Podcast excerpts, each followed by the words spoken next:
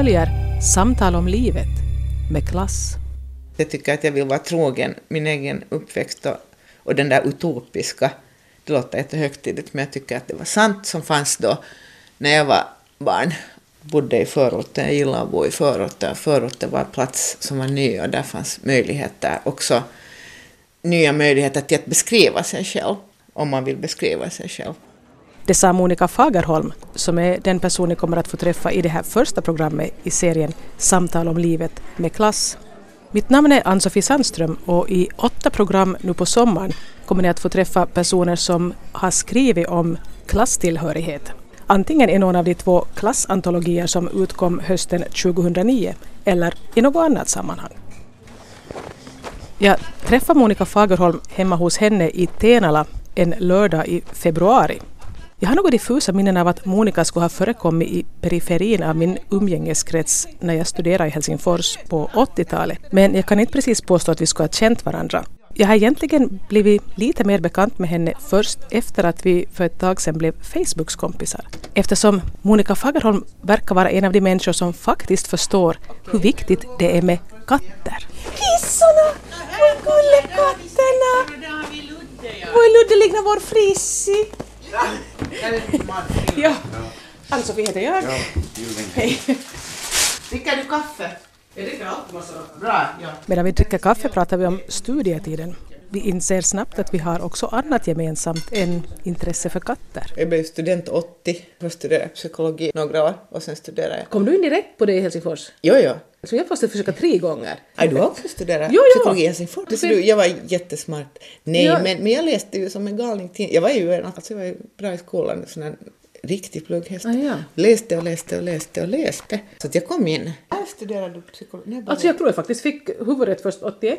Men då hade jag redan tröttnat. Nej, inte blev jag färdig från någonting. hur, lång, hur länge studerade du? Oj. Nu börjar det bli lite pinsamt när vi talar om avbrutna studier så kanske vi istället skulle prata om klass. I Söderströms klassantologi Det andra så heter Monica Fagerholms essä Utan klass i förorten. När vi då i februari pratade om det här så säger Monica att visst, det finns samhällsklasser också i Finland, men Tills vidare har vi faktiskt en grundskola som är någorlunda jämlik. Tills vidare har vi ändå, om man tänker på lagstiftning och sånt i samhället, så har vi ändå någon slags idé om att alla ska ha samma möjligheter, till exempel vad det gäller utbildning och sådana saker. En annan sak är det sen att, att om det inte fungerar, men det där är ju också tillkämpande och ganska stora saker, så där var det inte för 50 år sedan.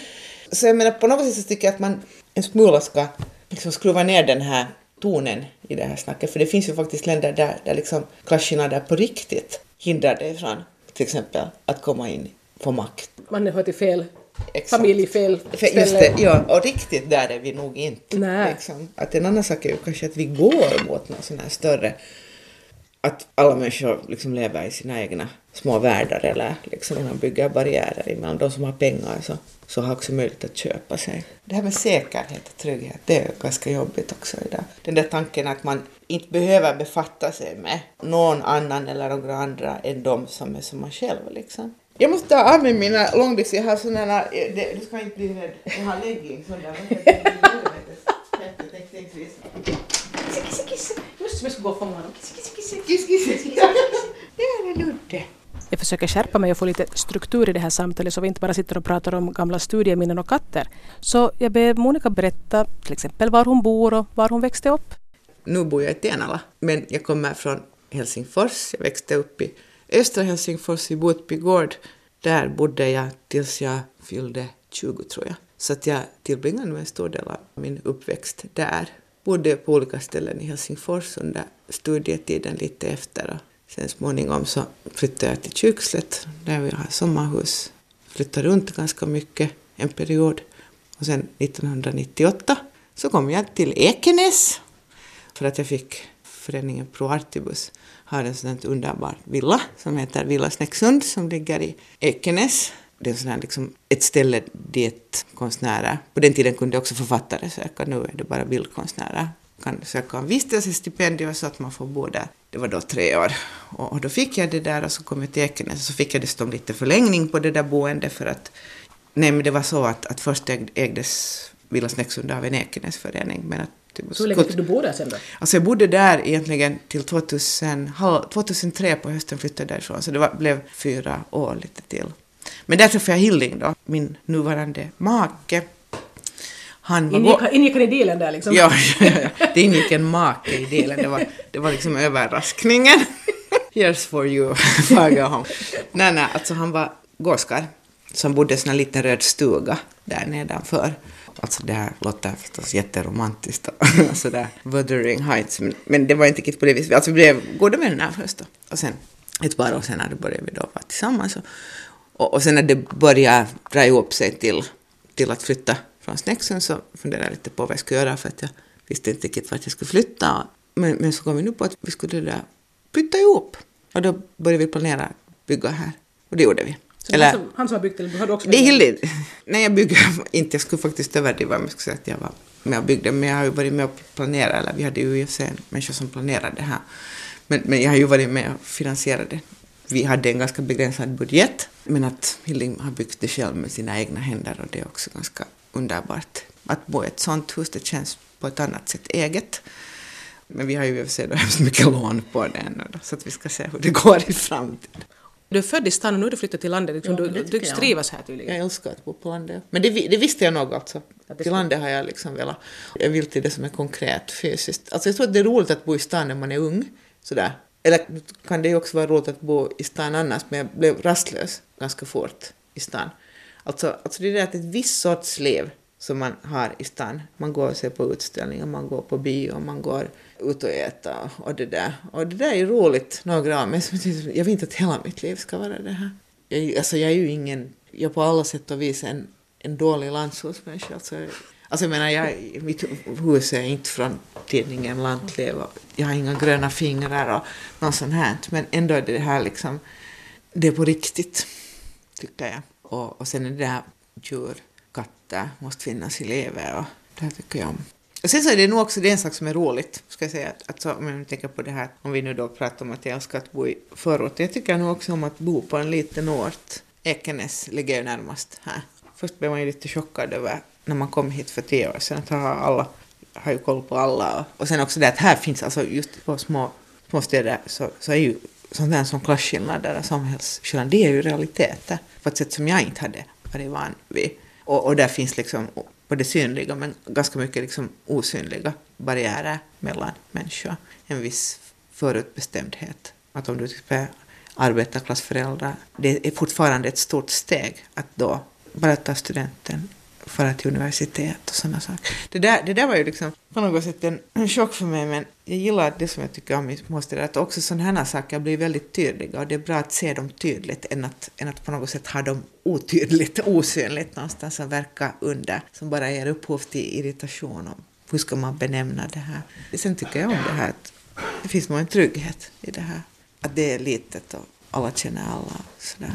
Jag ber Monica berätta lite mer om den här förorten där hon växte upp. Den där förorten, liksom Båtby gård ungefär, de där husen kom ungefär samtidigt. Alla började- flyttade in samtidigt ungefär. Ungefär, ja. Och det var också liksom, alla var unga familjer.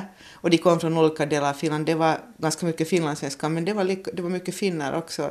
Och det var ju hemskt roligt det där att, att det var liksom massor med barn, massor med barn i ungefär samma ålder och sen unga vuxna då. Och i ett skede i början så var det ju faktiskt liksom att man kom, de flesta kom ju från landet eller från andra delar av landet eller hade bott som underhyresgäster i, inne i stan, trångt, utan bekvämligheter. Man kommer då till de här fina lägenheterna som hade, jag kommer ihåg att vår lägenhet hade 75 kvadrat och det var massor. Nu skulle man ju tycka att det är lite då. Vi hade dessutom inneboende Maja då som skötte om oss, som bodde i ett rum. Hon bodde där ända tills hon var åtta år gammal. Wow, vilken lyx! Alltså det måste ju Ja, det var lyx. jättelyx. Det var jättelyx. Men, men det var också en, en praktisk orsak mitt första barn dagvård. Så jag har liksom haft två mammor. När jag var åtta år flyttade hon från oss och då började hon jobba på samma avdelning på Rikasgattas bibliotek som min mamma. Så, så jag har haft mina mammor där då sen. Så det var jättebra det här, för det var ju också, det, också den här grejen som jag funderar mycket på, som jag också har skrivit ganska mycket om, att det här familj, jag tycker också att vi, och det där har också hänt under mitt vuxna liv. På 80-talet så började den här liksom familjismvurmen komma. Jag uppfattar nästan att den kom som en ideologi. Att man ville att människorna inte skulle liksom vara ute i samhället och vara medborgerligt aktiva, utan det där privata har man i sin familj. Och så går man ut och jobbar. Och det betyder då att makten och politiken får sköta sig själv någon annanstans. Jag börjar låta som en Alltså jag är inget ideologiskt monster jag var inte alls politiskt aktiv på 70-talet, men att det fanns en sån här, just den här liksom som fanns i ryggraden då, att man är medborgare i ett samhälle och alla har på något sätt möjlighet att påverka och det är nästan meningen att vi, vi ska göra det och att vi ska liksom ha viktiga band utanför våra familjer. Och det var inte heller något utsagt, men det är så väldigt annorlunda mot idag. Jag tycker att allt bara liksom ska vändas in och att mamma, pappa, barn, mamma, pappa, barn, mamma, pappa, barn, eller farmor, mormor, liksom. Man ska liksom på något sätt tänka, ja, att vi är alla, alla små kluster liksom där bara det där biologiska, det som jag saknar kanske är just den här känslan på att man, man liksom mer ska kunna experimentera och på något sätt tänka på framtiden, inte bara i termer av pengar, utan hur vill vi leva tillsammans? Vad vill vi att våra liv ska innehålla? Att vad är det som säger att Björn Wahlroos har rätt? Dessutom tycker jag de senaste åren har ju visat, visat att, att, att liksom en, en kapitalistisk ekonomi som bara handlar om att pengar ska växa, det funkar alltså inte. Men ändå går vi vidare som om. Å andra sidan så tycker jag att det finns saker vi inte kan rå på. Jag tror att vi inte kan rå på de där sakerna som vanliga människor. Men vad vi verkligen kan rå på är ändå ganska mycket hur vi lever tillsammans. Och jag har en känsla att vi lite har gett upp där. Eller att vi låter en massa coacher, vi låter en massa sådana här livshanterare ta över det här. Och det där tänkte jag när jag, alldeles konkret på 60 och 70-talet, så jag tyckte det var så jag och så var jag ganska liten då, men, men jag, liksom, jag läser mycket böcker och hela den där tiden, det hände saker hela tiden. Folk liksom gjorde en massa flippade saker, jo, ja, vi kan skratta åt det men allt på något sätt bottnar i en sån Hej, tänk om det skulle vara möjligt att, att vi kunde göra saker och ting på det här viset. Okej, okay, ibland blir det fel, men ibland blir det lite rätt också. Och jag tror att om inte annat så gör det livet mer värt att leva. Man har mycket roligare. För jag har en känsla av att ibland att vi är så rädda idag. Nu tror jag att vi lever i brutala samhällen, behöver mycket trygghet och säkerhet. Men jag har också undrat, undrar mycket på att hur mycket, liksom, att om vi då tänker att vi måste bara vara med våra familjer och vi ska liksom sluta oss mer och mer. Det, det föder ju det att vi bygger liksom de här murarna, eller, eller inte murarna, men på något sätt vi avgränsar oss. Och det föder rädsla. Det föder mm. osäkerhet. Mm. Mera kaffe? Vill du ha mera kaffe? Nej, kanske det räcker för då kommer jag... Ska du gå ut du också då? Jo, men ska du gå ut? Titta nu du lakmasken. Mammas lakmasken. Där kommer andra patienter. Här är det hela dagarna. Jo men sådär. Vi, in och ut, vi har liksom fyra så du vet. Ja. Där är det nog riktigt. Kiss, Jo, det där är mammas pojke vet du. Ludde som spinner högljutt i min famn är långhårig och mestadels grå och vit medan snäckan är korthårig och spräcklig. Mm. Jag ber Monica berätta lite mer om sina katter. De kom, liksom, de kom till Snäcksund, därför heter det där Snäckan Snäckan. Och, och, och de kom alldeles ett par månader efter att jag hade flyttat själv till eh, villan 2 mars 1999 är de födda, för det är mina barn. Och de är så bortskämda. den ena är steriliserad och den andra är kastrerad. Så det kommer inte. Det tog slut där. Hörde du Ludde? Nej, nej, men alltså det är... Det älskar ju de överallt på jorden, helt enkelt. Ja, kissar är liksom, ja, katter ja, är helt osannolikt bra djur alltså. Oj, oj, oj. Har du alltid varit kattmänniska eller var det så att du blev då också i och med Ekenäs en sån ja. kattmamma? Jag har nog alltid varit kattmänniska, ja. Men, men å andra sidan har jag nog också varit hundmänniska. Jag älskar djur. Jag tycker om djur. Jag har en äldre syster, två äldre systrar. Och då fick vi inte ha husdjur. Och då gjorde jag min syster till min katt. Hon var min puma och det där höll vi på med några år. Nej, men vi lekte det nog alldeles på allvar då. Hon var en puma, så det var en ganska farlig kisse alltså. Vi slåddes ju något otroligt, hon och jag. Jag tänkte fråga, det här är dina första egna katter som du har tagit själv, som inte, som inte har varit någon i familje... Att du, du... Det, det, här, det är egentligen på det viset. Ja, men, men, Svart, men för... Svart och Liff är också mina första Just. som är mina katter. Ja. Alltså, så det, det är något speciellt med dem. Det är något speciellt med det, ja. Men det är också det som är det underbara med katter, liksom att en kattmänniska så stöter på olika sätt på katter under sitt liv, så att man, jag har ju haft dem på olika sätt, både ett förhållande till katter och sen katter som jag har haft hemma så har jag varit katt au pair någon gång till England en gång. Men där var det ganska underbart för att det, jag har alltid tänkt att sådana här raskatter Alltså, jag har haft ett sånt förhållande och tänkt att de är inte riktigt, de är inte riktigt riktiga. Men det var nog världens underbaraste siames. Så alla katter är fina. På tal om det där att alla katter är fina, så berättade jag för Monica att jag många gånger har upplevt det att jag har gått någonstans med en annan kvinna och så har vi sett en barnvagn och så den andra kvinnan rusar iväg genast att får jag titta, får jag titta, får jag titta? Medan jag istället hade motsvarande reaktion när det gällde katter. Kissi, Ja, ja, ja, Så ja. fort jag såg en katt. Ja, precis samma. Jag har alltid, alltid haft det. Alltså, jag vet inte riktigt vad det är. Men, men det, men vi, är, vi är olika. Jo. Mm. Monica sa här tidigare att hennes katter är som hennes barn. Så jag frågade henne om hon någonsin har känt behov av att ha riktiga barn. Eh, jag, jag måste ärligt säga att jag har aldrig haft babyfeber. Nej. Någon gång har jag eh, bollat med tanken. Det att jag inte har barn är inte liksom något rationellt medvetet beslut. För jag har på något sätt också tänkt sådär att sådana där saker beslutar man inte. Att det som händer, det händer.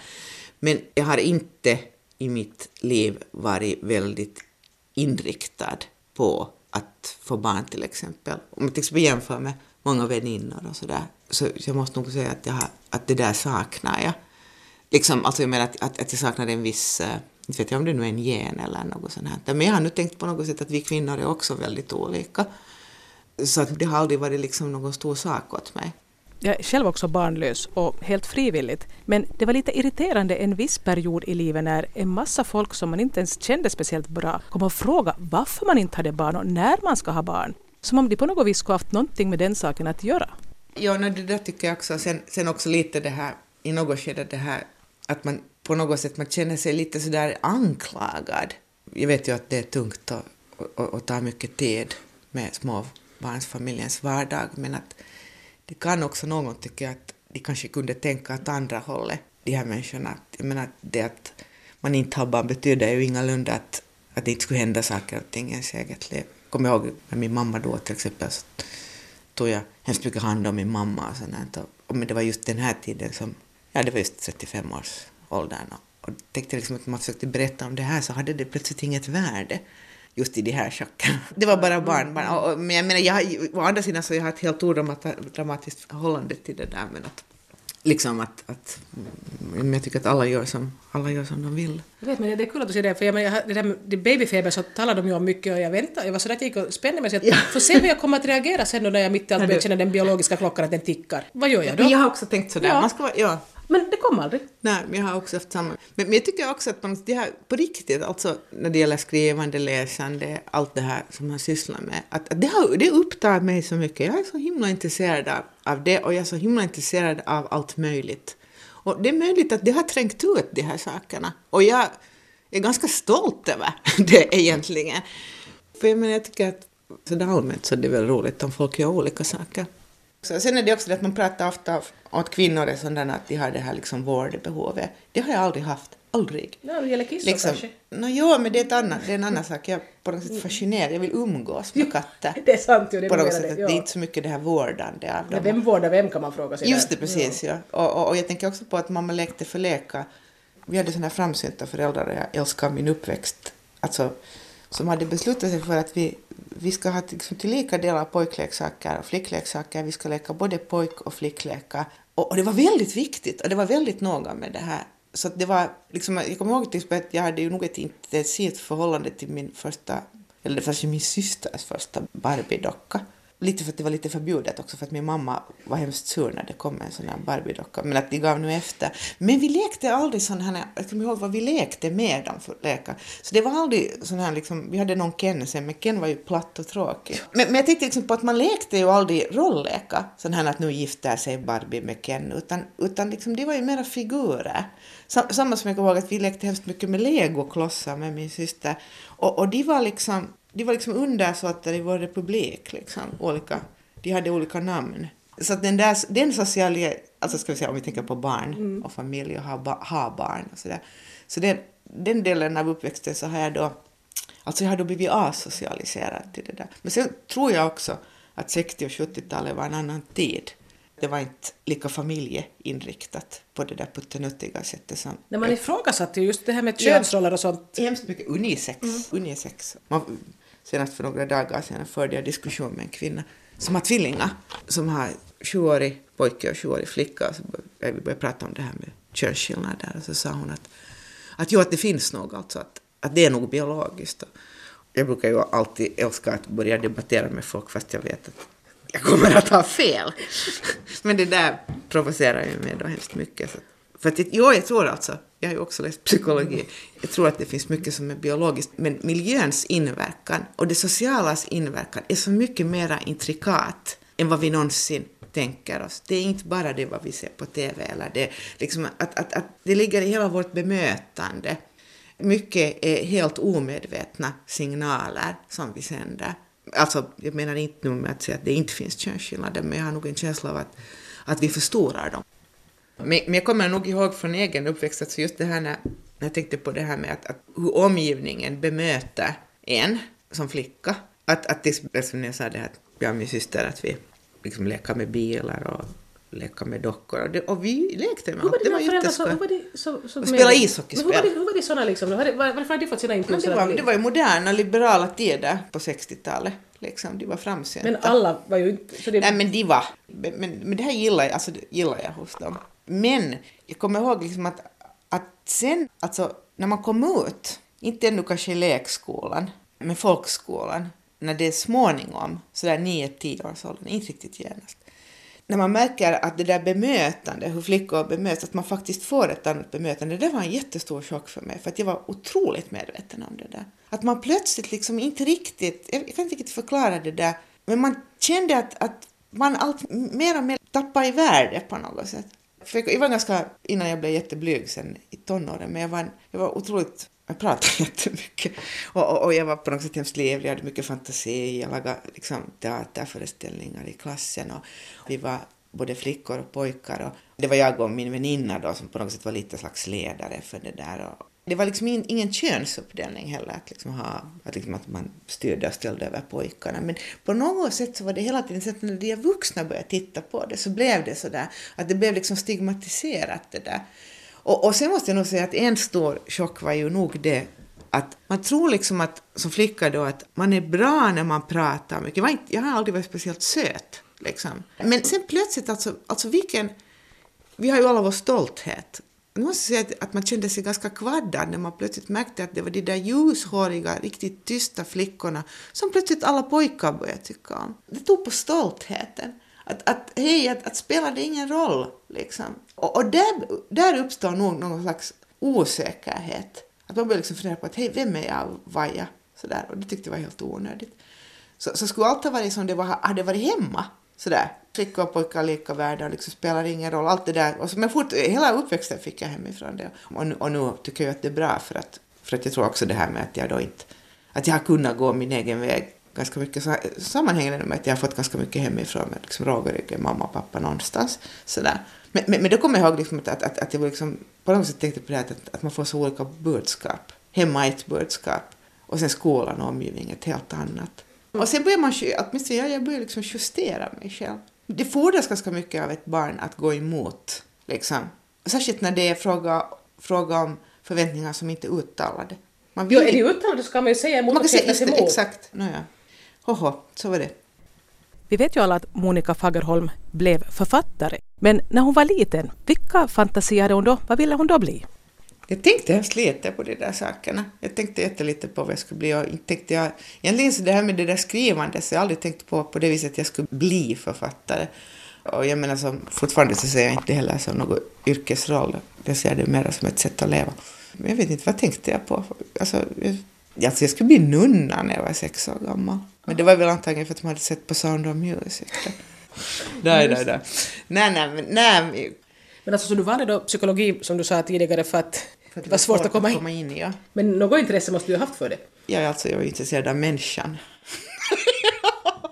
Nej, man får inte skratta. Ärligt talat så har jag inte riktigt någon aning om varför jag... För sig så var jag på allvar intresserad av människan och, och sådär, men en orsak till att jag slutade med mina psykostudier...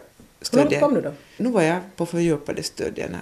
Det var liksom så att jag var ju jätteduktig student förstås. Och jag hade läst och läst och läst och läst så att det kom ut genom öronen. Och jag menar, det där kunde jag hemskt bra. Men det var det när jag förstod att jag skulle gå ut och praktisera. Och då förstod jag att det här kommer jag aldrig att klara av. För att jag, jag ska ju hjälpa människor sådär. Jag kan inte hjälpa någon människa för att jag är själv så tillknäppt. Och, och sen har det sett, jag har ju inga, jag har inga erfarenheter, jag vet inget om livet. Och det måste man ju ha om man ska kunna på allvar hjälpa människor. Alltså jag skrev ju sånt som behavioristisk psykologi. Behaviorismen så ansåg ju inte, det gör ju inte det längre, men liksom att, att också det mänskliga beteendet är fullständigt vetenskapligt beskrivbart, alltså som en ingenjörskonst. Liksom. Men det här tilltalar ju mig förstås för att jag var ju livrädd för allt som var liksom mörkt och växte på sidan eller något sånt. Jag droppade liksom bort från det där, men det var nog sen ganska medvetet. Det var ju liksom det där att jag började liksom tänka på att, liksom, att men vem är jag liksom då? Att jag att hur tror jag att jag ska kunna liksom veta någonting om människor om jag är livrädd? För jag började liksom fundera på att, men vad ska jag göra med mitt liv då? Och eftersom jag ju då hade varit en, en flicka inne i ett system så, så, så, hade jag ju liksom inte någon aning om. Jag liksom inte, vad ska jag nu studera då? Vad ska, vad ska jag då bli? Så du slank in på det här litteraturvetenskap? Nej, det blev litteraturvetenskap just därför för att jag började läsa romaner och Nåja, men i alla fall, men så kom jag till litteraturvetenskapen och där hamnade jag då genast i bohemiskt sällskap, vilket var jättebra för mig. För att då kom jag liksom ut från det här människa... engineering. jag slutförde inte heller mina studier i psykologi. Jag kom på att jag kanske egentligen var mer i behov av psykologhjälp än av psykologistudier. Men, men det tror jag väl också med mig. ja, ja. men, men det var också en underlig stämning där, just därför att det var så svårt att komma in det var en märklig skara. Vi var nog mestadels unga kvinnor och det var från hela, just hela delen av Finland. Jag tror också att jag var den enda finlandssvenska. Men alla, inte nu alla, men ska vi säga att åtminstone 80 procent av den här kursen var strängspända och, och liksom högpresterare och så kommer jag ihåg att på en tent, att det, det låg någon sån här liksom dallrig konstig känsla av just någonting i luften där. Så kommer jag på en tent, man satt ju i de där stora salarna och, och skrev det där tentet, så var det en gång en av de där flickorna som bara började skrika och kastade liksom det där pappret hon satt och skrev på och sprang ut. Och sen såg vi henne aldrig mer. Och, jag tror väl också det här att det var att, att många som du sa just det att man skulle behöva psykologhjälp, jag tror att det kanske var så där att Men eh, när du sa att du var högpresterande, vad blev du sen färdig i? Liksom? Vad var det? Ingen, jag har inte blivit färdig i någonting, det här var just den genanta frågan. Jag, det... jag är humkan. Nej, men, inte. men jag har tappat de där papprena. Jag vet inte heller var mina ja. finns. När vi slinkar in på det här med psykologistudier och hur det var att studera på 80-talet så skulle vi kunna prata hur länge som helst. Men det börjar bli lite ont om tid eftersom jag har ett tåg att passa för att åka tillbaka till Helsingfors. Tio över måste vi föra då. För att återknyta till det där med klass så frågar jag till slut Monica Fagerholm vilken samhällsklass hon tycker att hon tillhör idag. Alltså jag tänker hemskt lite på mig själv i, i de där termerna. Det handlar inte om att det är någon jätteförträngning, utan jag tror att jag vill inte hålla på att tänka på vem jag är och hur jag är, för att då på något sätt kringskär det mig. Och sen också det att, att jag tycker att jag vill vara trogen min egen uppväxt och, och den där utopiska, det låter jättehögtidligt men jag tycker att det var sant som fanns då när jag var barn. Bodde i förorten, jag gillade att bo i förorten. Förorten var en plats som var ny och där fanns möjligheter också, nya möjligheter till att beskriva sig själv. Sådär, om man vill beskriva sig själv. Men det oaktat så ska jag väl säga liksom då att om jag, att nu bor jag ju, jag är gift med Hilding och Hilding är väl då arbetarklass och jämfört till exempel med Hilding så känner jag då ändå att jag ändå på ett annat sätt liksom haft möjligheter att göra mitt eget liv. Tack vare utbildning, tack vare att det har varit självklart för mig att jag får göra vissa saker. Men mina föräldrar hade liksom inte, alltså det sitter ju inte i någon slags eh, samhällsklass. på det där viset. Min, att de var ju första generations helsingforsare och mamma, mamma kom från Österbotten, pappa kom från Pargas och pappa var ju föräldralös tidigt och inte jag menar, ingen av hans föräldrar studerar eller... Var du första studenten i din släkt då också? Alltså min pappa blev student att han, han bekostade allt det där själv. 12 år gammal så fick han banklån för att gå ut skolan, vanliga skolan. Han fick dispens av Pargas Sparbank. De brukar inte ge banklån åt barn. Så att, att han var liksom helt på något sätt självgjord. Men jag menar liksom att då att om jag jämför det där så har jag ju haft alla möjligheter. Och då känns det också fånigt att börja definiera sig som en samhällsklass. Jag vill vara fri. Ska vi sluta då? Så ja, vi slutar då. Ni har hört Monica Fagerholm i första delen av sommarserien Samtal om livet med klass. Nästa vecka samma tid får ni träffa författaren Leo Lötman från Åland. Mitt namn är Ann-Sofie Sandström. Ja, vi ska föra... Ja, nu, nu sa jag att man ska bli ensammast i hela världen. Det är synd om dig.